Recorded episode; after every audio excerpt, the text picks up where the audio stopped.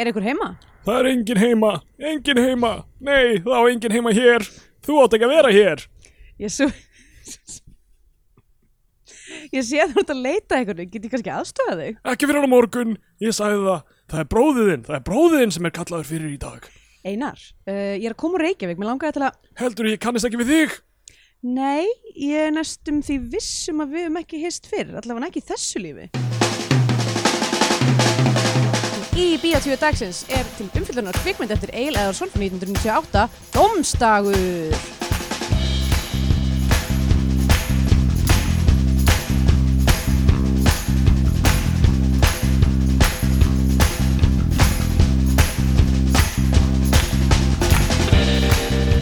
Já, komið heil og sæl og velkomin í Bíotvíu, hláðarpið um íslenska kvikmyndir. Hér er ég, Andrea Björk, og þannig er þú, Stendur Björn. Góðan daginn. Og hér erum við á svölunum að taka inn sólina. Já, það er sólardagur í Berlín, Það er komið sumar. ég er í hvítum stuttbuxum, Já, þú ert búin að gýra þig alveg bleikri stutturum að skýrtu. hérna á hneftnir að nafla. Já, Eða sól, af, út, út, frá hneft. já, ég er ekki að gera þetta svona eins og mexikanskir gangsterar. Nei, er ekki með efstu hnefta og ekkert annað. Já, Nei. það er dálítið töff saman, sko. Það er töff ef maður kemst upp með það, en Já. ef maður kemst ekki upp með það þá er bara eins og kunnur ekki að klæða þig. Uh, nei, það er rosa heitt úti og, og, hérna, og næs og, og þú varst að koma úr klifri. Já, ég er uh, bara með spagetti hendur uh, sem betur þér, þá þurfum við ekki mikið að nota hendurnar í þessu podcasti. Nei, bara til að halda halda mækunum, sko. mæknum. Ég var að koma úr leg day. Leg day, ok, ég er sérst, núna eru hendurna mínar alveg farnar út af því að ég var að klifra svo mikið og fæturnir Já, já, já. sérst, saman væri við heil mannskja eða ein mjög handónið mannskja. Já, ég held það, sko.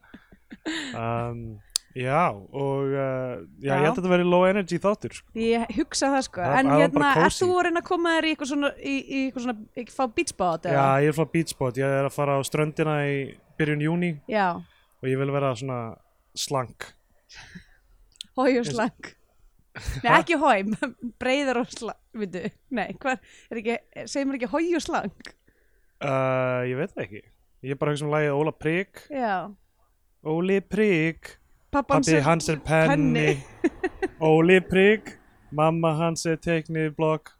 Óli Prigg, gaman er að teikna hann. Svo kemur stundum er hann stór.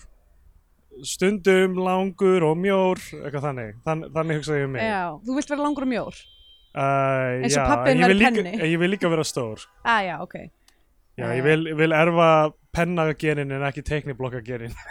Vá, ok, vá. Ég veit ekki hvers konar body shaming þetta er.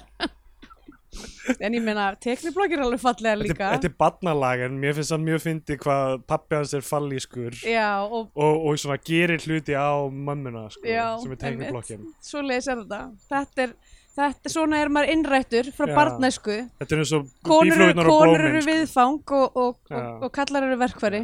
Hvað með að teikniblokkin bara nutti sig við pennan, Ég segi það. sig ak aktív sko. Uh, sko, við erum að fara að tala um mynd, enn eina myndina sem mörglega enginn hefur séð en mann hafi séð í sjónvarpi. Sjónvarpinu, já. þegar hún var uh, sínd í sjónvarpi árið 1998 Já, þetta er nefnilega sjónvarsmynd. Dómstagur um, Pappi minn gerir leikmyndina við hana Já, Pappi minn var penni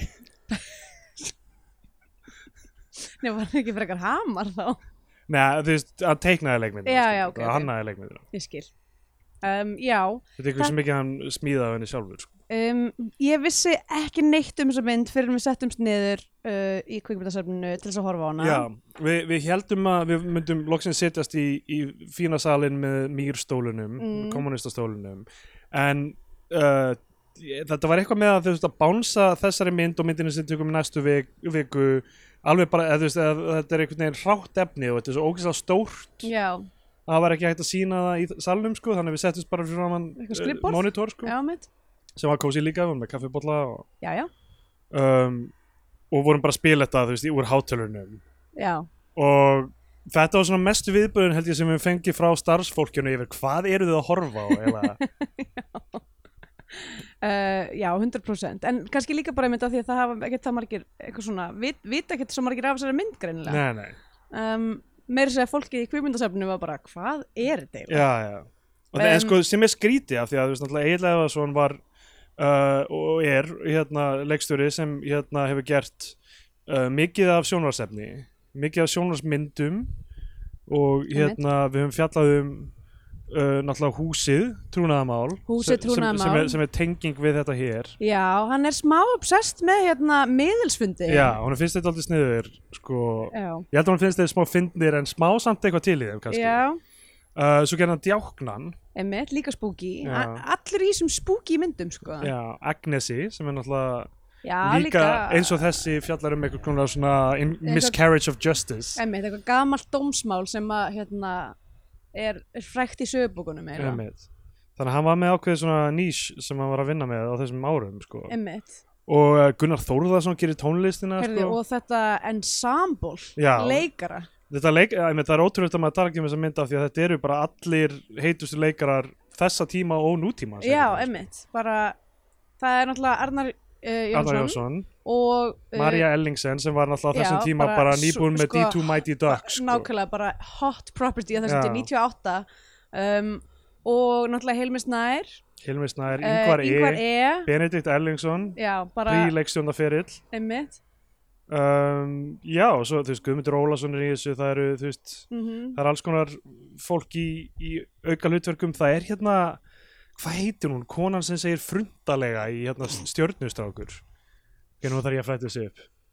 Já, stjörnustrákur þá er hún einmitt svona hérna jóladagatalinu. Já. já, einmitt. Er það, Guð, er það Guðfinna Rúnarsdóttir eða ég er að reyna að googla þetta snöggvast? Já, af því að það var bara, það var of heitt í dag til já, Guðfinna Rúnarsdóttir. Mm. það var of heitt í dag til að díla við uh, eitthvað svona rannsóknarvinnu já, já, við erum bara við erum bara, við erum hérna Já. úrvinda og illa undirbúin þannig að uh, og líka það að uh, við, ég hef talað um mínar, uh, mína night terrors í þessum já, þáttum varstu á fullu í nótt? Sko í eitthvað svona fyrri nótt þá vaknaði ég og var eitthvað hvar er allir, eða eitthvað þannig. My God. þú ættir að vera í eiginlega eðvarsmynd já, nefnilega, ég ætti að vera á miðusfundi en í nótt, sko, þá ég man eftir þessu, af því ég vaknaði bara öskrandi, ég held ég held ég hafi haldið að við- við værum bara í flugslýsi eða eitthvað þannig. Og það væru svona, þú veist uh, eitthvað svona stál uh, gattar eða eitthvað svona, eitthvað svona hluti af struktúr vélarinn væri bara svona, já, leið átt á okkur. Oh, og ég hoppaði svona yfir Kristjánu öskrandi. Í og, rúminu? Já, og ég held ég hafi verið að skíla henni en ég gæti hafi verið að gera þarna force majeure dótið að svona eitthvað hrinda henni í veg grípa síman og hlaupa. Já, já, hrinda henni í veg fyrir gattana nei, ég leipur ok, það er, sérst, það er ástæðan fyrir þessari köldu stemmingu sem er hérna. Sko, Kristján alltaf var alveg bara fríkuð út. Já, og hérna um, og svo í morgun því ég vaknaði þá var hún bara ísköld við mig. Og ok, hún er reyðið við við mig fyrir að hvað gerði ég núna? Nei, ég, ég sko nefnilega smá myndi eftir þessu Ah, og, ég, ok, ok. og þegar ég fór að sofa aftur þá var ég eitthvað, oh fuck, þetta var ekki nógu gott, þetta var vandamál. Ok, og, en sopnaði samt eila strax sko, og meðan hún vakti heil lengi að bara, já, ok. Ah, það er pyrrandi já, heldur þú þurfur að fara að sofa í svona Mike, hérna, Birbiglia Birbiglia megmerberlega ég get ekki sagt það nafn. Uh, Mike Birbiglia Birbiglia, Birbiglia oh.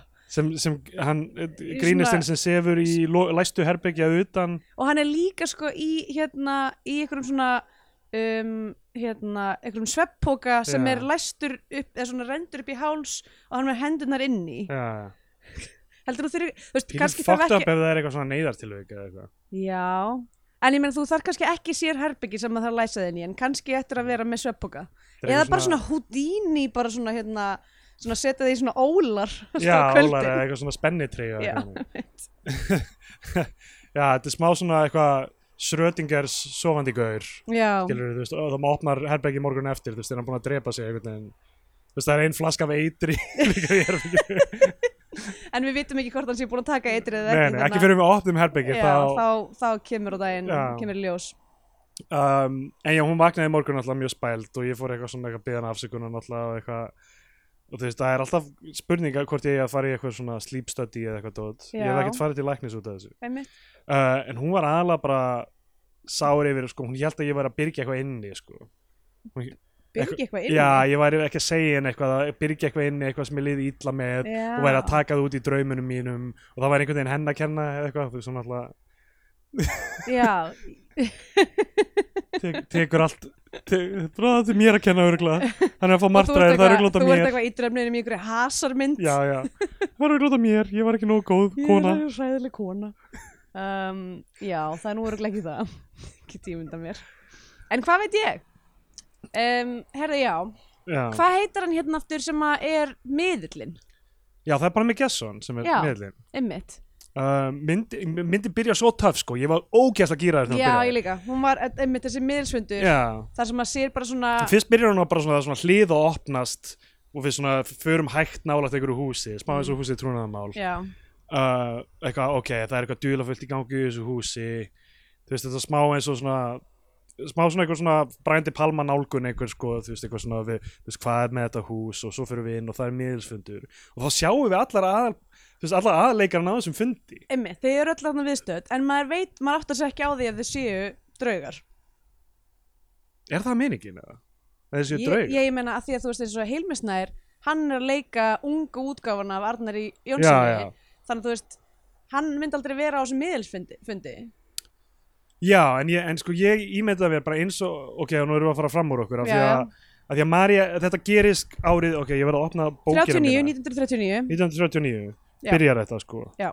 og um, og Gott María að, gott Ellingsen að fyrsta línan frá Maríu Ellingsen sé ekki bara árið var 1939 já, ég held að komi líka upp með texta. Já, en sko María Ellingsen er blaðamaður Mhm. sem er send til þess að rannsaka uh, miðelsfundi Já, eitthvað svona hvort Það sé náttúrulega var í hámæli á þessum tíma held ég, kannski aðeins fyrr, í byrjun aldarinnar, það var held ég stopnað eitthvað á fyrsta áratug aldarinnar og var, þú veist, var alveg svona smá dæmi, Einmitt, hvort það sé ekki kjaftaði, skil, hún er að reyna að sanna að þetta sé kæftæði. kjaftaði hún fer hann inn og hún svona uh, er ekkit viss með þetta sko. Já, en sko þess vegna held ég að eins og sko þegar við förum í flashbökin mm þá er hún uh, leikur hún karakter í, í fortíðinni. Já, af þá því að- held ég að væri bara þú veist, ok, það er svona eitthvað svona framtíðin uh, veltur á fortíðinni, þú veist, við erum öll einhvern veginn tengd. tengd. Að bara fólki sem er á miðelsfundinum er síðan fólki sem leikur hlutverk Já, fólksins í ok, fortíðinni. Ok, en það gæti alveg verið að hún hafi bara verið eina á þessum miðelsfundi og allt fólki í kringum hafi verið draugar. Það var það sem ég held sko. það gæti alveg verið, það er hægt að lesa það þannig sko. Draugar málsinn sem sem að, að því hún segir, hún tala bara um og það var eitthvað kona sem að kom í gegnum miðlinn á miðelsfundunum sem að hafði eitthvað sérstakt við mig að segja já, já, að því hún sagði að við værum skildar en vildi ekki útskýra hvernig. Ennmitt uh, og uh, Pálmi segir henni, hún á að finna rauða bók. Já, og, og yfir þessu öllu er sko Mari Ellingsen með voiceover, þetta smá sko byrjar eins og þetta er smá noir já, noir, sko, þetta, stemming. þetta byrjar eiginlega fyrst eins og eitthvað svona 80s hryllingsmynd, skilur, eins og er, bara er Poltergeist svona eða eitthvað. hérna, já, byrjar fyrsta sen sem er alveg mjög flott Já, veist já. bara lýsingin og eitthvað svona allir þetta fucking yfarskegg á heilmisnæ Já, Hilmi Og Snær eitthvað, með það er rosa bara- yfir skegg allir í einhverjum bara, þetta er náttúrulega búningadrama þú veist. Um, algjör stemming sko, svo er þetta að fara að vera eitthvað svona hún er eitthvað svona, hún er eitthvað private dick Já, um, svo já, svo algjörlega breytist þetta í Norvæpið og, og, og, og þú veist, myndatakan eftir því einhvern veginn líka, það er svona já, skuggar í þeim Já, í þeim þar sem hún er í Já. og svo þegar við förum út í eitthvað svona Fortíðina. s- fortíðina og, og líka sko þegar hún er byrjað að vera eitthvað svona "Ah, það er eitthvað spooky í gangi hérna þá er nú aldeilis hent í dödsangul já, já, í allar áttir. Það liggur við sko bara eitt á kvolfi bara. Og alveg, kannski, ég myndi segja kannski aðeins of mikið. Aðeins svo mikið á Angle sko. og það, þú veist, öll, öll stílbröðin eru aldrei þreytt þegar leiða á myndina já, einmitt. Af því að, þú veist, mér fannst þau ekki stiðja endilega við nei, nákvæmlega, það var bara í verið að nota þau sko. of hérna um, svona Já. frjálslega myndi ég segja. Og sko, Marja Ellingsen er sem sagt rekin sem blaðamaður frá blaðinu sínu. Hún er bara deep in the case. Já, af því hún er svo obsessed með þetta sem myndin fjallar um, sem er Solborgarmálið Já, og þetta, hafðir þú heyrt um þetta áður? aldrei. Ég hafði aldrei heyrt um nefnilega þetta. held ég að við heyrt þetta nafn en aldrei aldrei heyrt uh, díteilana eða eitthvað Ekki þannig, heldur. Og svo kom sko einn af starfsmönnum sapsins og var eitthvað Já, er þetta einar ben? Já, þetta er Solborgamálið. Einmitt. Og ég var bara, já, ok, er þetta eitthvað sem ég allir eiga að vita? Já, ég held að þetta sé eins og einn af þessum gömlu svona glæpum sem svona eins og þarna máli með Agnesi Já. og þarna, morðin á sjönda og, sagt. Já, og, og hérna þetta er sem sagt málið er að Solborg uh, og bróðir hennar eru ja, hálfbróðir hennar já, þetta er einhver tíman í lok 19. aldar já, þau eru hálfsískinni á Svalbarði í Þistilfyrði og þau voru sökuð um sifjaspell að hafa eignast batn saman, saman og og borið það út. Já, borið út, það. Og, og Sigurjón var dæmdur til tíu ára betrunarhúsavistar. Já, fór hann hérna í, hvað heitir eftir danska fangilsið sem allir voru sendir í á þessum tíma? Borgundarhólmur eða já, eitthvað einmitt. Borgundarholmur einmitt, ekki, geti verið Um, klassíst Já, og málið er náttúrulega Einar Ben þetta merka Já. skáld sko, var, kemur þarna og er einhver ný, ný útskrifar úr lögfræði Já, ný útskrifaður og, og mætir á staðinn og kveður upp dómin í þessu máli í rauninni já, og rannsakar einmitt. það og er síðan all, alla tíð síðan einhvern veginn bugaður yfir því já, sko. Af því að, að þú veist, hún greinilega leið einhvern veginn eins og hann hefði ekki gert rétt í þessu. Já, og það sem ég sé hérna á netinu um þetta er að fólk er náttúrulega ennþá að vasast í þessu. Ok. Og það er bara frétt frá 2015 það sem er tekið viðtal nei, byrju, það er önnur frétt hérna sem ég hafði fundið sem sko Egil Eðvars líka sko er er líka Já. grúskari í þessu. Já, en, ennþá, ennþá enn þann Ok. dag í dag að pæla í þessu. En sem sagt það er einhver Jón Óttar Ragnarsson sem uh, telur sig hafa fundið það rétta í þessu öllu saman. Ok, sem er þá hvað? Við kannski ættum að tala um myndina áður en við já, áður en við spoilum Förum öllu málunni spoilum sólborgarmálinu já, en hún er ob obsessed með þetta og hættir, hættir að sinna störfum sínum sem blaðamaður. Hún er alltaf að hanga á einhverju bókasafni sem ég held að geti verið íþaka hérna, bókasafni í já, MR einmitt. Uh, og það, það er alls svona duglega fullt dæmi í gangi. Þar er Hilmi Snær, hann missir Já. rauða bók. Einmitt, ég held að hún sé sko að bara sjá eitthvað svona drauga fortíðar. Það er náttúrulega, það er engar, það er engar svona eitthvað svona drauga tæknibrellur. Nei, nei. Þannig að maður þarf bara að giska út frá eitthvað svona hann er í einhverjum old time í fötum og með þetta yfirvaraskegg þá verður maður bara að giska þú veist að þetta hlýtur þá að vera draugur já. en ekki einhver samtíma manneskja. Og svo er klift yfir í Arnar Jónsson já, sem er að flytja ljóð. Og ég var mjög lengi bara, eitthvað, já, ok, hann er, hann er eina ben eitthvað, þú veist, þess að hann er að flytja þessi ljóð. Já. hann er bara einhverjum bæ, einhvers þar afskiptum bæ. Og er alveg að sökva tönnunum í þetta hlutverk. Sko, þetta, er, þetta sama gerðist með hérna Steinbarn já, sem við tölum um með hlutur ekki sem amma leikur í því. Það, og það er líka eitthvað sem Egil Eðvars leikstýrir sko, einmitt, er að sko fólk er að leika þessi, þessi skrýtnu hlutverk svo stórt já, og klippingin einhvern veginn og þú veist, senutar eru þannig að við erum svo lengi með þeim að þetta Einmitt. byrja, byrjar eiginlega að verða svo e, alveg svona einhvern veginn bara vandræðilegt Já. eiginlega maður er eitthvað, þú veist, af hverju er ekki að stoppa þennan leikara í, í þessu já, af hverju Ég er þetta ekki ég gert einhvern veginn Ég öðruvísi Ég reyndar svona núna þegar ég hugsa um það, þá held ég að aldrei séð Arna Jónsson ekki leika leikustleik. nei, ég meina hann, ég meina, já, já kannski, Hann er bara svona leikari.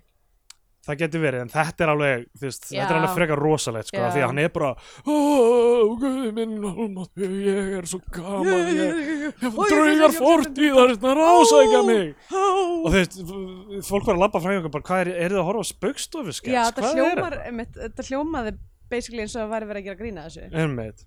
Af því hann er bara svona muldrandi og hrumur og titrandi og, og það er bara löng skot af hannum þannig eitthvað, Var þetta leiðin til að fara með þetta dæmi sko? já, nei, eiginlega ekki sko. og, Uh, og hann er einhvern veginn að sk- sko, það virðast allir skinja allt í þessari mynd af því að þegar Marja Ellingsen mætir til hans hann er búin að vera að gera svona ringja á dagatala býða eftir deginum 12. janúar. sem er dagurinn sem, uh, Sem- hann, hann sem dæmdi í þessu máli eða eitthvað Já, sem hún dó. Sól, Já. Sólborg dó. Dó, spoiler alveg Já, uh, ég meina þú veist spoiler alveg, þetta er- hún náttúrulega á þessum tíma ætti að vera döið, eða ekki? hún gæti verið þá lífi í dag. Við viljum ekki það er svo sem rétt. Að- ég meina 1939 Hefði- nei ég, er, nei, ég er að meina uh, í dag. Já, meina, ok, í kannski dag. var hún veist, kannski var hún með eitthvað að krafta við vitum það ekki. Já, rétt. Af því að þessi mynd náttúrulega gefur til kynna líka að andi hennar lifi einhvern veginn áfram í þessum blaðamanni af því Já. að síðan þegar við köttum til fortíðar setna í myndinni þá er Mari Ellingsen að leika Solborgu þegar ég, hún ég var allan tíman að giska á að, sko, að, að hún væri barnið. Já, en svo sko tímalega séð held ég að það með ekki barnið er sens líka borið út sko, já, borðið út, eða nema því hefði bara verið bjargað einhvern veginn. Já, eða þú veist, eða því hefði verið komið undan einhvern veginn, eða því það borið út það var voru engar, það voru engar leifar veist, barnið var ekkert nei, þú, það eða- kom ekkert fram. Að Nei, veist, lík, lík barnsins að verið fundið. Ég veit það ekki. En allavega þá hérna þá líka í byrjunarsinunum það sem hann er á miðelsfundunum þá voru svona, var klippingin svo skrítin allt í nú klippuðu frá Maríu Ellingsen með gleru yfir í Maríu Ellingsen ekki með gleru já, og ég er eitthvað, hæ? Er að er, það tvíbura sýstur eða eitthvað þannig? Nei, þetta Já. er hún að sjá Sólborgu í fortíðinni að Já. gefa sér skilabóðin, þú verður að, að finna út um málinu, málinu sem, sem, sem var mér að aldur til að sko, um, já, og svo náttúrulega líka er þegar við förum í fortíðina þá erum við komin í smá sepíu. Já, já, við erum ekki komin í fortíðina ennþá Nei. hérna, sko. einmitt, uh, Marja mætir til Arnars Jónssonar til Einar Spens já. Og er bara bankar upp á og hann er, ó nei, nei. það býr enginn hér. Varðu þú, þú ætti ekki að koma, þinn er kallaðir fyrir í dag, þú ert á morgun. Hann sér hana sem Sólborg. Já, greina og svo er hann alltaf líka að tala um einhver hann er eitthvað, Anna, ert þú Anna? Eða eitthvað svona, hann var eitthvað svo leis hún er eitthvað, nei, ég heiti ekki Anna, hann er eitthvað þú gætir alveg eins að heiti Anna. Já, svo hlín, hlín, hún kemur aftur. Já, hver er Hlín? Það hafa verið einhver hlín sem sér um hann. Já, en það eina ben er bara, þú veist, alveg alveg farin. farinn og bara ómöguleg og, og er eina sem hann er alltaf eitthvað svona í bók, alltaf svona leita, maður heldur hann sé að leita að einhverjum bókum í bókaskapunum, svo er hann bara alltaf að reyna að finna flöskur sem er faldar fyrir aftan gró, bækurnar. eitthvað grósull sem hann hellir fyrir sig og Maríu Ellingsen og hann felur sig undir rúmið þegar hún kemur og hún er eitthvað, jæja einar minn, viltu ekki koma fram Já, hún er alltaf bara beila sem í brýst inn til hans. Já, er- hún, bara er alveg, inn sko. Hún er alveg on the case svo mikið, hún er, far, hún er líka alveg farin. Það er allir farinir. en hann, hann kallar hann á Sólborgu og svo reynast hann vera með rauðu bókina tjölafullu Já, og þarna byrja flassbakki já. Ingvar E. er prestur hann er presturinn þarna uh, fyrstilfyrði á, á Svalbarði. Já, og hann er nú aldeilis nasty prestur. Algjört piece of work, Já, myndi maður segja. einmitt, og, og eins og þú segir sepia-tón Já, sko þetta er mjög fyndið út af því að, út af því að myndin byrjar 1939 sem er fortíð. Uh, og það er svona smá washed out stemming mm í, í greitinu og svo fyrir við svo fyrir við lengra eftir í tíman og þá kemur meiri já, og gott ef það er síðan ekki flashback lengra inn í fortíðina til þess að, það er bara brúnni rammi bara. Já semi sko eða hvort það hafi verið svartkvít Já, en allavega bara eitthvað, ok hérna hljóta að vera einhverja aðra leið til þess að gera þetta. Það, sko, já, hérna er ég byrjað að vera eitthvað ó nei, þetta er ekki að fara að vera góð mynd og ég bjóst við, sko, já, já. af því að hún byrjaði, mér fannst hún byrjað svo stert og stylisk og, e, þú veist, eigin, þess að við sjáum í djáknanum og öllu þessu dóti, sko, svona master stylist í rauninni, sko, og. Já. hefur áhuga á, þú veist, leyndamálu fortíðan og mjög áhuga verið dóti, sko, einhverjum svona óuppgerðum syndum Íslands. Um, Datt eitthvað að þig? ég held kunguló ok, allavega um, Við hefum náttúrulega ekki tekið til hérna út á svölum síðan bara síðasta sumar sko. nei, einmitt, Við erum að fara að breyta þessu, við erum að fara að gera þetta kósi sko. gera eitthvað flott Já. herri já, En uh, þarna byrjar í rauninni framvindan sko, af því að allt hitt þetta hálftími liðan af myndinni sem er bara svona setupið fyrir fyrir þú veist þessa fortíð já, af því að þetta, þetta, þetta, hérna, og þá breytist þetta úr, úr því að vera eitthvað svona noir yfir að vera eitthvað svona sko, eitthvað svona Procedural. stofu procedural sem að gerast bara heima hjá þeim í stofunni heima hjá þeim já, já. og mér fann, þú veist, ef þú ég veit ekki, ef þú þú getur annarkvæmt verið inn í inn í bara þessum tíma og eins og Agnes bara gert myndina veist, á þeim tíma eða það er svona draugar fórti að leita á einar BN dæmi já, en allt þetta preambul með Maríu er svo þú veist, ok, Maríu er að fara að vera aðal dæmi í þessu sko. já. En hún er í rauninni ekkert í þessu sko. við erum Nei, fylgjast með henni fyrsta hálftíma hún er bara eitthvað svona holdgerfingur sólborgar Já, og bara áhuga almennings á þessu máli sko, Já. hvað var satt í þessu það er ekki fyrir hálftíma inn í þessu sem við byrjum að veist, kynna Sólborg og öllu fólkinni kringum Já. hana rauninni, sko. það var ég um þetta leiti sem ég fattaði að Arnar Jóns og Hilmi Snær eru sami maðurinn já, já, veist, að ég var, að ég var eitthvað, vá hvað eitthvað, þessi motta er eitthvað svo áhugavert rosa choice og svo fattaði ég eitthvað, að já, Arnar Jóns er líka með sömu mottuna nema hún bara lukkar raunverulega á honum já, já. lukkar náttúrulega bara eins og Hilmi Snær sem eitthvað rottu fram á sér eða eitthvað þeir eru náttúrulega fun heitir á þessum tíma Hilmi Já. Snær og Benny Ellings og Ingvar E og Já. Marja og þetta er allt bara eitthvað heitasta fólki í leiklist á þessum Já. tíma sko. og svo Arnar svona old guard samt þú veist, hann, hann er ekkert svo gamall hann, ekki 98 þarna, sko. nei Ég veit ekki, hann er kannski, kannski orðin 60 eða eitthvað, ég veit ekki. Ég veit ekki, ég sá hann Ég ég hvað sá hann hann er í, í Lér konungur sko, með langar að segja 15 árum síðar og hann Já. var að vinna með sömu sko ó, takt hann á það og hann lúka ekki eins og hann væri eitthvað yngra eða eldri sko. Já, einmitt. Um, sko, börnin mín! Um, ég er konungur, ég heiti Lér. þú mannst ekki hvað, hvað Lér konungur er Ég veit hvað það er en ég veit ekki nógu mikið um það. nei, æ, það er maður sem að tapa öllum börnunum sínum af því að hann er óður í vald, ef ég mann rétt. Já, já, ef þú hefur séð Ran Ég er svo fucking lélegur í Shakespeare. Já, það ég er líka. vandræðilegt fyrir mig, sko. Já. Ég þarf að fara að taka einhver törn. Bara eitthvað svona, horfa á Kenneth Branagh myndirnar í gegn eða eitthvað. já, Ge bara gera eitthvað til þess að, þú veist, muna þegar fólk er eitthvað, ó já, alveg eins og Desdemona og ég eitthvað, já, einmitt, alveg eins og Desdemona einmitt eitthvað, hvað var það eftir, sko einmitt, eitthvað, já, þetta er bara alveg svo í Tempest eitthvað, já, Já. einmitt, jú þetta já. er eiginlega vandræðilegt fyrir mann sem lí- lítur á sig sem, uh, sem ákveðin svona bard ég, ég, ég hef alltaf kallað mig Bard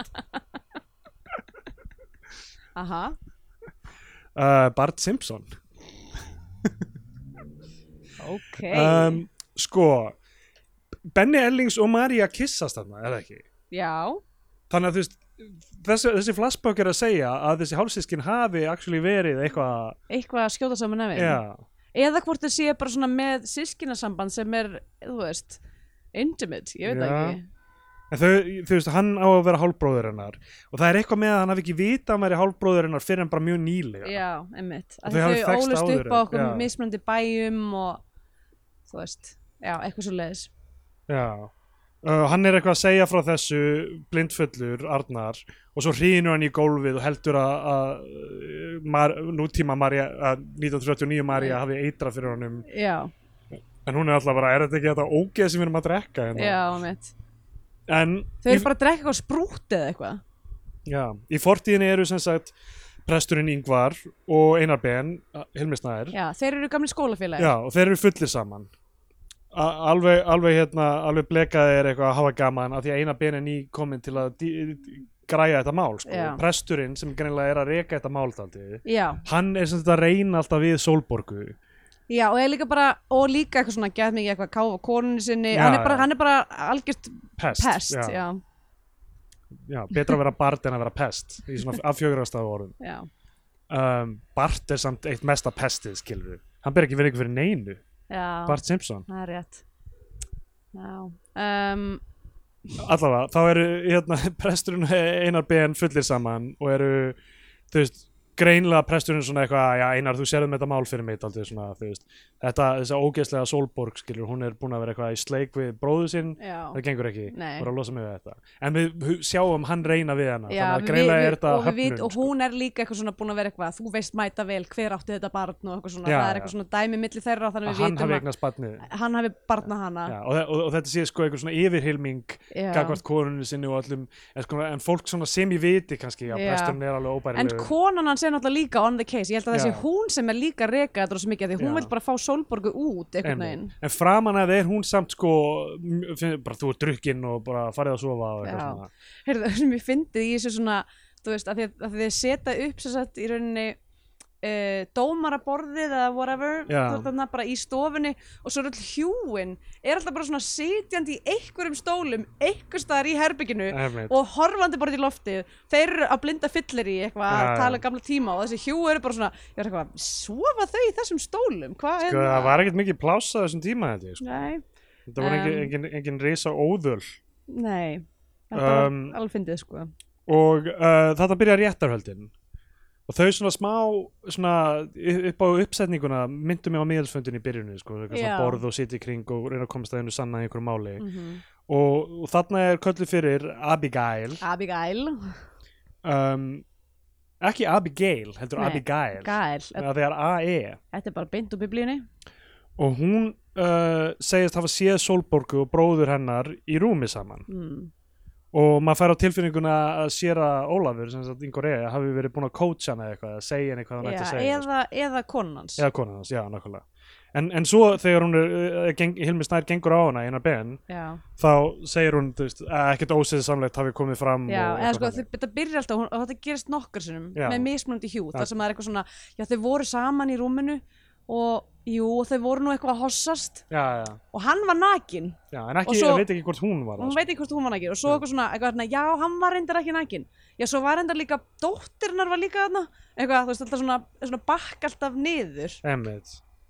þannig að þú veist, hjúin eiga erfitt með þú veist, þau vita alveg hvernig presturinn er held ég og, og vita líklega er þetta honum að kenna allt saman en- en geta ekki farið gegn honum.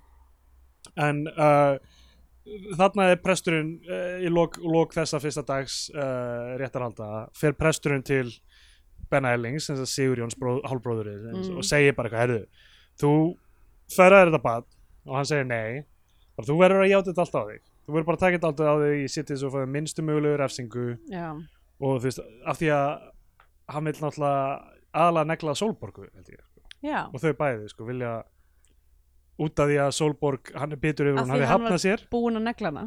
Já, einmitt, hann er bitur yfir hún hafi hafnað sér og uh, konan hans er brjáluð sko yfir að hann hafi barnað hana. Einmitt. en það er ógeðslega sætur kettlingur að Ó, ég var svo pyrruð þegar ég sá hann kettling, ég var eitthvað eins gott að það sé enginn að fara að fucking eitra fyrir þessum kettling, að hengja hann kettling, að setja hann kettling í póka og lemja hann. en hann geti alveg eins og verið svefngengill af því að hann var eins og ég læsturinn í herbergi með eiturflösku Já. Uh, nei, kettlingurinn var líka, nei, hann- honum var gefið já, sérstaklega. hann var gefið sérstaklega eitur Já. Uh, en svo er sko þessi kettlingur líka draugur, nefnilega, af því að kettlingurinn byrtist líka 1939. þetta er svo skrítið en það, það fær mér samt til að hugsa sko, er þessi kettlingur ekki er þetta ekki bara svona speglun fortíðarinn í nútímanum dæmi líka. Er þetta beint draugar eða er þetta já, ég, einmitt, er við þetta erum bara sama DNA flæðandi í gegnum söguna sko, þannig að- kettirnir. já, Uh, jú, þú veist, ég, jú, ég var, þú veist, ég var ekki, ég var alltaf ekki svona byrju, átt að vera draugur eða átt að bara vera svona, þú veist, er þetta bara svona tímannir blandast saman einhvern veginn, þú veist, svona mirage? Já, já. Um, milli, milli sem ég, sko, ég fór stundum að hugsa um þú veist, þetta væri svona eitthvað svona Kíslovski áhrif þetta væri svona eitthvað double life of Veronique eða eitthvað þannig Já, já, þetta einmitt. væri þú veist það eru þú veist þræðir þarna milli okkar einhvern veginn sem Já, sem við sjáum ég, ekki, sko. gæti alveg verið að það eigi að vera eh, pælingin sko og þess vegna sé maður, sjá Hilmisnæ líka 1939 og þú veist einhvern Já. veginn sjá alla karakterina aftur og aftur uh, er ekki Benni Erlings líka í miðilsfundunum held, held það sko Hel, já, ég held að Arnar sé svo örgla svo eini sem er ekki, þar já, og þetta er alveg mjög svona tight cast skilur, þetta er kannski bara eitthvað 8 til 10 manns með öllum svona aukapersonum ok, eitt fyndi með þetta hús sem að uh, Arnar Jóns Einar, Einar Ben Mm. býr í, hann er eitthvað svona býr út í ykkur bara, út í ykkur raskati mér svo fyndi svona þessi tilneying hjá hérna að eitthvað svona, að hlutur sem er í fortíðinni hann verður að vera gett já, eitthvað það er allt ónýtt eitthvað að þetta er gamal eins og þú veist, ég var að horfa glati þetta um daginn. Já, já, og þau eru bara búandi í ykkur um rústum. Einmitt. En alltaf á þessum tíma voru þessar rústir ekki rústir. Já, og þær voru málaðar og þær voru gett litrikar og þú veist ekki einhvern veginn bara einhvern veginn já, þetta er bara ekki. eins og maður, lappum í Pompeii og segja bara, svona bygguðu en þú veist, ég meina það er náttúrulega, var ekki allt þakið í ösku. nei nokkulega já, Þetta eru þeir, tveir vinir sem búa saman, kúra saman. mér fannst pínu leðilega þegar ég fór í já, þe já, þeir eru bara tveir vinnir Bara tveir vinir. bara tveir vinnir saman með tippamyndir á veikjunum sínum af því að það er svo fyndið.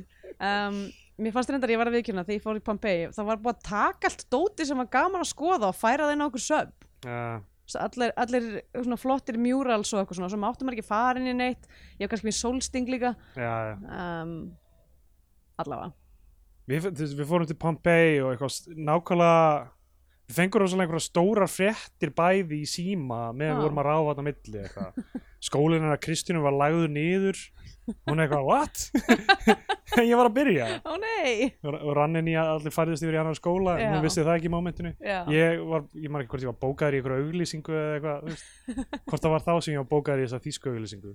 Mediamarkt. Mediamart auðlýsingu já, Býtu, varst þú í mediamart auðlýsingu? já ég, ég, ég, fór í eitthvað casting og, og bóka, ég er bara eitthvað svona uh, að dansa basically. Já, ok. var, var með sítt hár þarna og var svona headbang Já, eða eitthvað í bakgrunni. Þú varst uh, meiri unggæðingur. Já, um, það, kannski var það ekki þessi auðlýsing eitthvað annað, ég man bara Já. eitthvað Pompei og bara eitthvað, já, eitthvað það voru eitthvað svona moment sem við bæði fengum einhverjar skrýtnar fréttir. Þannig að þið voru ekkert að pæla í Pompei Nei, Nei. Um, en uh, já, er það ekki ástríður prestfrú sem, sem eitra fyrir kettirum? Jú. Og líka Solborg Já sko, á, sko áður en hún eitra fyrir Sólborgu þá kemur presturinn fyrir réttin og hann er blindfullur bara. Og, Já, og það er ekki hægt að taka hans hérna uh, uh, hvað segir maður? Já, svona testimony Já. hans framburð. Framburð hans af því að hann er alveg blekaður. Þannig að, að og þess vegna held ég sko að konan hans hafi verið að reka allt þetta dæmi. Já, einhvern veginn, af því að hún er bara eitthvað herðu, hann getur ekki, hann getur ekki sagt frá núna ég verð að fara með henni í herbyggi, bara hún svona basically stoppar hann, já, mögulega hellar hann fullan og síðan fer, eitthvað, já einar ben sem sagt er bara eitthvað, ja, við höldum þessu áfram á morgun bara. Já. Og já, hún testar sem sagt grautin sem hún gefur Solborgu á kettinum. Já einmitt. Það er pælingin að drepa köttin til þess að geta drepið Ó, Sólborgu það var svo sætu kettlingur. Já, mjög sættu kettlingur. Og sko, svo hafði ég og svo, hvað, ég, hvernig er þetta gert? hann er steindauður sko. Kannski Já, er hann bara Sofandi? kannski er hann í einhverju svona ketamin baði eða eitthvað. Ætli kettinum hafi verið gefið ketamin? Ég man bara eftir þessu úr House þátturum Já, þar sem House var settur í ketamin bað ah, til þess að lækna sársökan í löppinni. Ok. Og svo rangaði hann við sér og var ekki ill lengur og var bara brjálaður af því að hann veist, svona defined af sársökanum sko. Já, þau hefðu enga rétt á að setja mig í ketamin bað ég held ég myndi reynda röglega að segja það sama. Ef einhver myndi að mér óafitandi setja mig í ketamin bað já þetta var eitthvað, hann var lent í bílslýsi eða eitthvað og var, hvað sem er, það var verið Ég að vil ekki vinna fara í ketamin bað, ég vil fara í kókain bað. Hann var, hann var hvað sem er einhvern veginn þú veist, out of it og það var verið eitthvað að laga eitthvað. Mm. og þá eru þið eitthvað, herðu, við getum notað þetta tækifæri til þess að lækna þetta sko. Ok, æ, fyndið þættir sko. Þegar það var svo mikið procedural og hann alltaf heldur að allt sé hann, hann, allt hann, sé hann, kemur, nei, hann, kemur samt með einhverja svona þrjár tillögur í hverjum, í hverjum þætti sem eru rángar þar til hann finnur það réttu sko. Ég hef ekki þetta svo langan tíma ég, hérna, get ekki kommenta á þetta. En allavega í, í árið 1949 er uh, María Ellingsen að hella gamla einarbenn fullan og Já. þau eru að spila drikkjuskák drikkjuskák með eitthvað sem lítur út eins og limoncello en er örgulega bara straight alkohól. Já, já, uh, hún er beislega reyna að hella hann fullan til þess að, því að hann vill ekki tala um þetta mál einmitt og svo, svo lo- losnar aldrei um honum málbeinið Já, og hann lýsir því hvernig hálfbróðurinn Sigurjón, sem Benedikt Erlingsleikur, hafi játað fyrir dómi. Hann hafi talið að þau máttu njótast þar sem þau þekktust ekki áður. já, Og eh, einar, ungur einar ben alltaf bara eitthvað, en hérna, það fyrir að gegna öllum reglum og lögum. það Sko. það er ekki hvernig það virkar Já. Og, en ætlum maður getur samt ekki fyrirgefið það betur?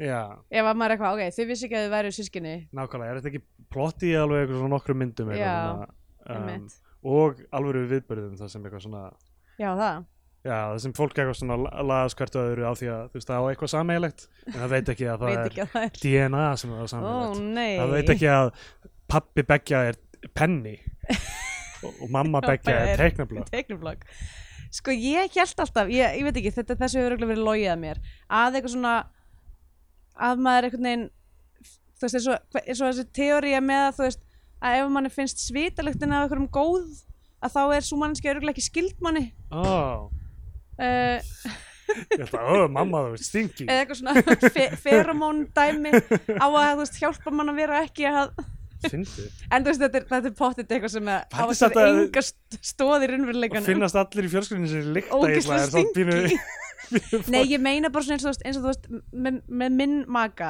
Já. þá finnst mér bara svona ógeðslega góð lykt á já. ég, ég bara svona fer í bara í hálsakotunum með bara eitthvað ah, um, og fæ mér bara eitthvað a good sniff, sko. Einmitt. og það er bara eitthvað svona það er bara svona kemikal dæmi sem bara virkar milli okkar. Já, já, og þú veist, og örgulega myndi ég ekki finna þetta með fjölskyldumælamir mínum. Nei, er, þú veist, er allavega teórian en ég veit ekki, ég hef ekki googlað þetta. Það var einhver sem sagði þetta við mig. Þetta er örglega eitthvað gróðsaga ég sel það ekki dýrar en ég kefti það. Ég til í að vita hvað væri satt í þessu. Hvar eru vísindamenninu sem eru að vinna í þessu í segja fyrir að lækna að komi krabba komi veg fyrir að sískinni sé að óvart að sofa saman Það er einhverju afkomendur Sólborgar og Sigurjón sem eru Við erum að passa að þetta komi aldrei aftur aldrei fyrir. fyrir aftur. Nei, þau er samt örgulega Þetta Kannski á Sigurjón þetta var afkomendur fyrir tíma Íslendingabókarinn Það er rétt sko. Ég er ennþá spurður að þessu hérna úti sko. Já, Is it true that you have an app? ég segi bara já, Já, já, Já. ég meina Cirka rétt sko. Já. Öllum finnst það mjög fyndið sko. Veist, ég, Ég segi bara, hvað er þið? Er þið bara Er ekkert að tjekka hvort þetta séu fræng, frængur ykkar skilur, Nákvæmlega. Segi það, eða you're the weird one. Já, nákvæmlega. Um, Ok, bara því að það er bara 0,01% líkur að manneskjan sem þú Það mun hittir á það- barnum það sé mun frænga það þeim Feimun verra þegar þú lítur á manneskjunu og ert bara, vá, erum við ekki með sömu augu? Nákvæmlega. Uh, Vond svitar þetta er samt um, En uh, það er eitt inn á börum hérna maður tekur þetta Já. svitarlítinu Sko, Herðu, er prestfrúin með tæringu? getur verið. Hún er eitthvað að Alltaf, alltaf þegar einhver hérna hóstar í klút og það er blóð, þá er ég Já, bara, einmitt. ok, let's Tæring. go, tæringin. Sko, hún sem sagt laumar eitri í vasa uh, hérna Sólborgar Já, hún sérst eitra fyrir og henni, eitrar matinn hennar eitra matinn hennar Já. og svo hérna laumar hún flösku í eins, eins, eins, eins og Solborg hefði fram í sjálfsmál. já. og hún engist öll bara þjáist og hlaupa, hlaupa, inn, hlaupa inn að reyna uh, læknana, bjargani og finna eitri í vasanum. Mm en ofsegnt hún, hún deyr. En hún nær samt að vera svona, svona gefið til kynna að hún hafi ekki verið að reyna að drepa sig. já, Er það ekki? ég held það sko þið sitja uppi með hennar grunn sko. Já. og Arnar í, í 1939 Einar Ben Gamli hrínur niður, miður sinn yfir þessu öllu saman. Uh, ég skrifaði hjá mér kótið ég var hvort sem er með tapaða stöðu. Eitthvað sem hann sagði held ég sem eitthvað svona afsökun. Já, einmitt, af því að hann einhvern veginn af því að hann var búin að vera að tala um eitthvað hittum í kirkjunni eða eitthvað tölum um þetta bara one on one Já, einmitt. Og hún næri aldrei þangað því hún er að því hún drefin er drepin, einmitt, hann er að reyna að fá reynd hvort það sé eitthvað einmitt. Og þetta er svona þetta myndin er smá náttúrulega- að segja eina ben hafi þú veist, hann hafi verið blektur smá og aldrei náða Já, eða þá bara svona gat ekki fundið neina lausn í álút og því að þú veist, þetta spurningin er vandamáli er, er að það virðist vera öllum ljóst að málið er ekki eins klift og skorið eins og, það, það, eins og presturinn Ólafur er að gefa til kynna. Já, já. en út af því að hann er prestur, hann er í valdastöðu Já. þeir eru skólafélagar hann er búin að játa hálfbróðurinn. Einmitt, erfitt að breyta að breyta, það er náttúrulega eitthvað svona stjætta element í þessu og, já, einmitt. Og uh, sem sagt Solborg hafði sem sagt sagt einari einhver tíman að sér Ólafur ætti barni já, hvort það var, hvort þau hafi hist í kirkjunni ég man það ekki alveg sko. mm. en þannig var sko jú, af því það kemur síðan sena já, það kemur sena sem hún segir hún og, það, og já. mér fannst ekki ljóst hvort að það væri endurminning eða óskhyggja deyjandi manns eða Já, þú veist hvað það væri raunverulega og Marja í, í 1979 felur rauðu bókina mm.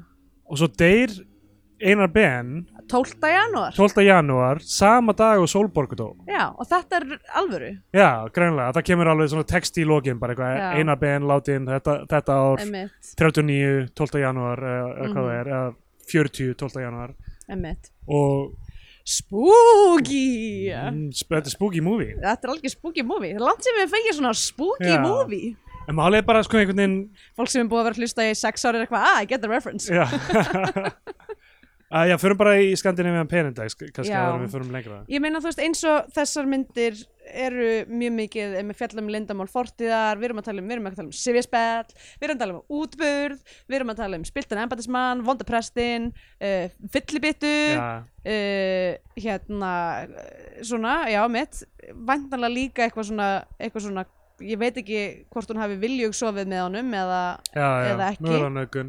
mögulega nögun nögun, Tjóða Eh. tölum við mikið um fucking kynfylisbrot og nöðganir í þessum þáttum Þegar Oh. vorum í live þættinum og vorum að segja orðið nöðgun aftur og aftur ógíslega oft, já, Bara sorry, það er það sem gerist í allra síðustu veiðurferðinni Það er fucking Já. nöðgun það er Já. það er bara þannig. Hvað maður að- hvað maður að segja? Og kannski finnst Merkel, Merkel, Merkel, Merkel, Sýnir Angelu, hún er Já. tekniblokkin þeirra kannski finnst Merkel tímabært að fleiri íslenskar konur nákvæmlega, séu gerendurnir uh, að því að við vitum alltaf að það er Já. bakkað upp af staðarendum Sko, er ekki bara En- varanlegt svona trigger warning í byrjun bíotví Jú, ég held það sko það, ég, meina, ég held að fólk ætti nú á þessum tímpúnt að vita ef einhver er að tala um íslenska kvikmyndir þá Já. bara skal aðgátt höfð. Við meiri sér lendum í vanda í pappirspjesa þættinu þar sem við tölum um að pappirspjesi væri gerandi. Með þunna finna típi sitt það var var, var, rúf þáttur. það var on us, það var við fórum þangað. Já, um, ok, og svo náttúrulega morð um, þetta eh, og spooky, þetta er spooky draugar og já. ýmislegt. Og, og svo náttúrulega þetta stjætta element sem er þú veist í, í fortiðinni já. er þú veist í rauninni það sem að gerist í 1939 er ekki neitt neitt. Ég meina miðilsfundurinn augljóslega sterk opnun á eh, hérna uh, á Scandinavian Pain maður veit alltaf að það er að fara að vera eitthvað alltaf þegar miðilsfundur þá er líka alltaf leyndamál fortíðar. Já, það er gæ- gæti, það ekki verið án hins sko. úrslega fyndin miðilsfundur í bíómyndi að það var eitthvað, herðu, hún Gunna frænga, hún byður bara að helsa, hún er í Já. sumarlandinu, henni liði vel. Já, vissur að hérna uh, móðurinn egnaðist launbarn eitthvað með frændaðinum eitthvað, já, ég vissi það, það, við það var alltaf upp á borðum það, það, við bara erum Það er tækla Sannleikur það- fortíðar tækla því, já, nokkulega, tækla það mál. Já, og að tala óþarf um að vera þetta. að minnast á það núna við erum löngu búin að tala um þetta. Um, þannig já, hún er nú alveg frekar hérna, Já, sterk uh, Scandi Pain Scandi Painy Spooky Movie. Uh, sorry, ég er með sólsting. Ég er með sólsting, ég ætla, ég ætla að bera það fyrir mig. Um, þannig ég hugsa ég gefi henni bara ó, ætla ég gefi henni ekki átta af 11 útburðum? Já, ég gef henni uh, bara held ég 12. af 12. janúar. Já, flott. Það var komið einn tímapunktið sem gefur myndinu annað sess á flagskipi íslenska kvikmynda að fara hún íslenska fánan eða mælum frekar með því að hlustendur horfa á einhverja bandarinska Hollywood-vellu þá fara hún bandarinska bjánan. Mm. og sko ég var mjög gýraður í byrjun þessar myndar Mm af því að hún er öðruvísi hún var að, já, að leika sér með formið og þú veist það var genre element í henni og eitthvað svona Já. fáar genre myndir á Íslandi. Maður gáður spennt fyrir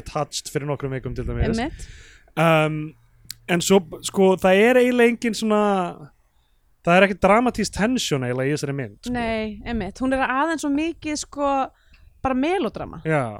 F framan af sko, sko Mari Ellingsen byrjar með þetta rosa V.O. í, í nóar hlutanum mm það sem hún útskýrir henni allt málið sko. Já, og ég var eitthvað svona, ok, byrju, hvað sem vel átti ég að fylgjast með þessu eitthvað svona, en það satt í mér, ég var bara, já, ok, þetta er það sem gerðist og hérna, og síðan munum við sjá það gera, við sjáum það bara spilast út, það er engin, engin, ósvöruð spurning þannig séð ég meina náttúrulega nema, þú veist, ég meina það er frekar augljóst þetta var einhvers konar réttarmorð já, frá byrjun, annars væri eiginlega ekki verið að fjalla um þetta, ef það væri eitthvað, ó, þú veist, þannig að, þannig að þegar við förum í fortíðaflassbökin og einar ben er Arnar er að hérna fucking kjamsa á kofanum sem hann er í þarna. Þá er ég bara eitthvað, þú veist, ég veit hvert þetta stefnir. Solborg var greinilega ekki strax er vondi í búin að Þetta er alltaf nákvæmlega þetta að þú veist í byrjuninni að því það er ekki, það er ekki útskýrt eitthvað hvað fólk er þetta á meðlisfundunum maður Mm. bara sér allar þessa leikara og er bara ok, það er eitthvað spennandi að fara að gerast strax og þú púslar saman að Arnar Jóns er Hilmis nær já, þá er þetta bara allt komið e, nefnilega sko. þetta er pínu erfitt sko. Það, þú veist, ég, ég, ég var mér var spennandi að þetta væri að ramma þetta svona inn, þú veist, tvær tímalínur og eitthvað þannig en það, það var bara it tips hand, sko, veist, við bara föttuðum það einhvern veginn strax Já. og það var bara smá svona slok að horfa á restina þessu og það var bara, Já, ok, ok, hvernig komið tímabútið það sem, þú ég veist? hugsa líka, ok, guð, við erum alltaf, alltaf skulum við fara í þetta, reyna einhvern veginn að að endurraða myndinni til þess að láta hana make a sense betur eða eitthvað, whatever, en ég velti fyrir mér eins, eins og mér fannst nú gaman að sjá opnunina á þessum miðilsfundi, já, hvort að það hefði kannski mátti geima hann pínu. Já, kannski. Þú veist, af því að það ætti að vera einhvern veginn þú veist, æ, ok, þetta er sjónvarsmynd inciting Já. incident má alveg vera bara í blá opnuninni en þú veist, en mitt, já, ég, já, ég veit ekki ég veit ekki hver er rétta leiðin til að gera þetta. það nei, er bara, þú veist, ekki heldur gaman, þú veist, langt sem við horfum Agnesi þannig ég man þetta ekki alveg já, ég er sko forvitin hvernig Agnes er já, hvernig hún eldist af því að af því að hún náttúrulega gerir, er ekki með þennan ramma ef ég man Já. rétt sko. Býtu, svartfuglsmáli hefur ekki verið gert hvað er það? það er hérna uh, hérna sem að svartfugl eftir Gunnar Gunnarsson. Já, einmitt. þú nefndir þetta mál áðan. Er það sjönda? á? já, sjönda ok. Ég man ekki, man þetta ekki almennilega. Ok, en svona true, true, Íslandsugu true crime. Já. ég hef aldrei almenna nefnt að lesa mig til um Guðmundur Geirfinnsmálið, ég bara veit að það var Nei. bad news. Bad news, Já, já, allt Ég þetta er er- samt sko er til í að sjá þá mynd. Ég held ég hafi sagt það áður í, í þætti. Já, já, En það er út af því að það er miklu meira það þarf að gera hana svona Zodiac style Já, nákvæmlega, það þarf að vera miklu meira Zodiac style En það er náttúrulega líka út af því að Guðmundur Geirfinsmáli er ekki veist, lengur uh, mannkvarfsmál Nei. það er, þú veist, kerfismál. Já, já. Veist, og það er, er áhugaverði parturinn myndi ég segja. Þetta er, Jæja, það er búið að kvikna í einhvers stöður já, það er alltaf And a good day to you, sir Er það að taka podcast? Má ég vera með? um, Já, þannig að um, Já, sko, það sem ég ætlaði að segja um þetta var það að Jón Óttar Ragnarsson gerði þennan þátt sem sagt, það sem hann leiði líkum að að Einar Ben hafi tekið þátt í yfirhimningunni Já, fram með dómsmórð og þegið þrjár jarðir í mútur vegna málsins. Vá. Það sem sagt, þeir hafa einhvern veginn gefið honum eitthvað land og svo hafi hann bara ve- verið með eitthvað gilt í Já, skiljanlega. Þú veist, tilfinningar náttúrulega restina af æfinni sko. Það er bara mjög skiljanlegt En vá. Uh, uh, Ég veit ekki hvort að maður sé nokk tíman eitthvað, þú veist, sjokkuraður á því að einhver, einhver dude í fortíðinu hafi verið bad dude. Uh, ég er hætta ég er hætta uh, einhvern veginn. Keipa mér upp við þetta, skulum bara segja Ég var að reyna að finna að það einhvers þar var eiginlega að tjá sig um þetta í, í meira modern já, hérna er þetta sem sagt. Uh, Egil hafi uh, sem sagt gert, ok, þetta var jólasýning sjónvarsins 1998 Ha- það segir hérna við vísi strax í kjölfar sýningarna var anskotin laus. Egil greinir frá því að hann hafi fengið uppringingar strax þarna annan jólum. Það eruðu vinslit og málsmyndandi menn skrifi í blöðun professor, prestur og ættingjar. Allir voru á sama máli þetta væri mér og stopnunni til skammar og hún var ekki tekin til endursýningar út af þessu. Valda miklu menn böngu upp á hjútvarstjóru og komi í veg fyrir það. Vá, af því í hann er að segja að það hafi verið þú veist, að ein, því að, því að hérna, legacy Einars Benz þurft að vera já, varið. það þarf að vera, þurft að vera einhvern veginn pjúr og þessi mynd er samt ekki einsunni hún er veist- ekki svo hörð við hann sko. En hún segir samt að hann, hafi, veist, hann hafi talið sig að hafa brögðist einhvern veginn. Já, en það er ekki til dæmis nefnt nefnt með mútur nei, nei, það eru ekki hluta þessu. Einmitt. Uh, ok, það er hellað. Já, það er alveg hellað. Um, pældi að vera árið 1978 að verja æru einhvers manns fyrir hundrað árum sko. Hvað, þetta fólk það náttúrulega ekki líf. innbytt sér að, að gera nútíman betri í staðan fyrir að vera að stressa sig á hvort einhver, einhver fucking dauður kall er með hreinan skjöld já, einmitt uh, já, en alltaf ég verð að gefa hann í bandarinska bjána því miður sko, þátt fyrir leikmynd föður minns sem er penni uh, og það er bara þetta Þetta, já, þetta er, já, þetta er pínu erfitt að horfa síðasta, síðasta helming myndarinnar það er bara eitthvað svona, ok, ok, let's get to it sko. Já, eðst, mér, ég veit ekki, ég, mér fannst það gaman að horfa, veist, mér fannst gaman að horfa bara því að mér fannst þetta áhugavert, já, já, en ekki út af því að þetta var góð mynd, per se, myndi ég segja. Um, þannig já, hún fær heldur ekki íslenska fánan frá mér. Um, já, erum við það að mæla með hlutum með það já, það er nú það. Serpico, ég ætla að mæla með Serpico Serpico, ok. Lö- eina góða löggar í New York borg Serpico, Já, ok. sem er svo eini sem er ekki til í að vera spiltur Já, og þykja mútur, eins og einar ben gerði víst Já, mitt, nákvæmlega. uh, já, ég er að reyna að muna hvort að sé eitthvað góða myndir sem eru með eitthvað svona andaglasi eða eitthvað í augnablikinu man ekki eftir neinu. Ég segi bara hérna alltaf gaman að, hérna, rifja upp practical magic. Uh, ef maður er stuð fyrir gælur að gælur að hérna, drepa elskuða sína. Já. Uh, já. já. er eitthvað fleira sem viljum segja? Svona, ekki, núna er bara- sólin að fara hérna fyrir hot mitt nákvæmlega, ég myndi bara segja er ekki bara aðgátt skal höfð í nærveru sálarannsóknarfélagsins nákvæmlega, og munið að Óli Prigg getur annarkvæmt verið langur og mjór eða stór ok, það er bara tvær típur ok, bye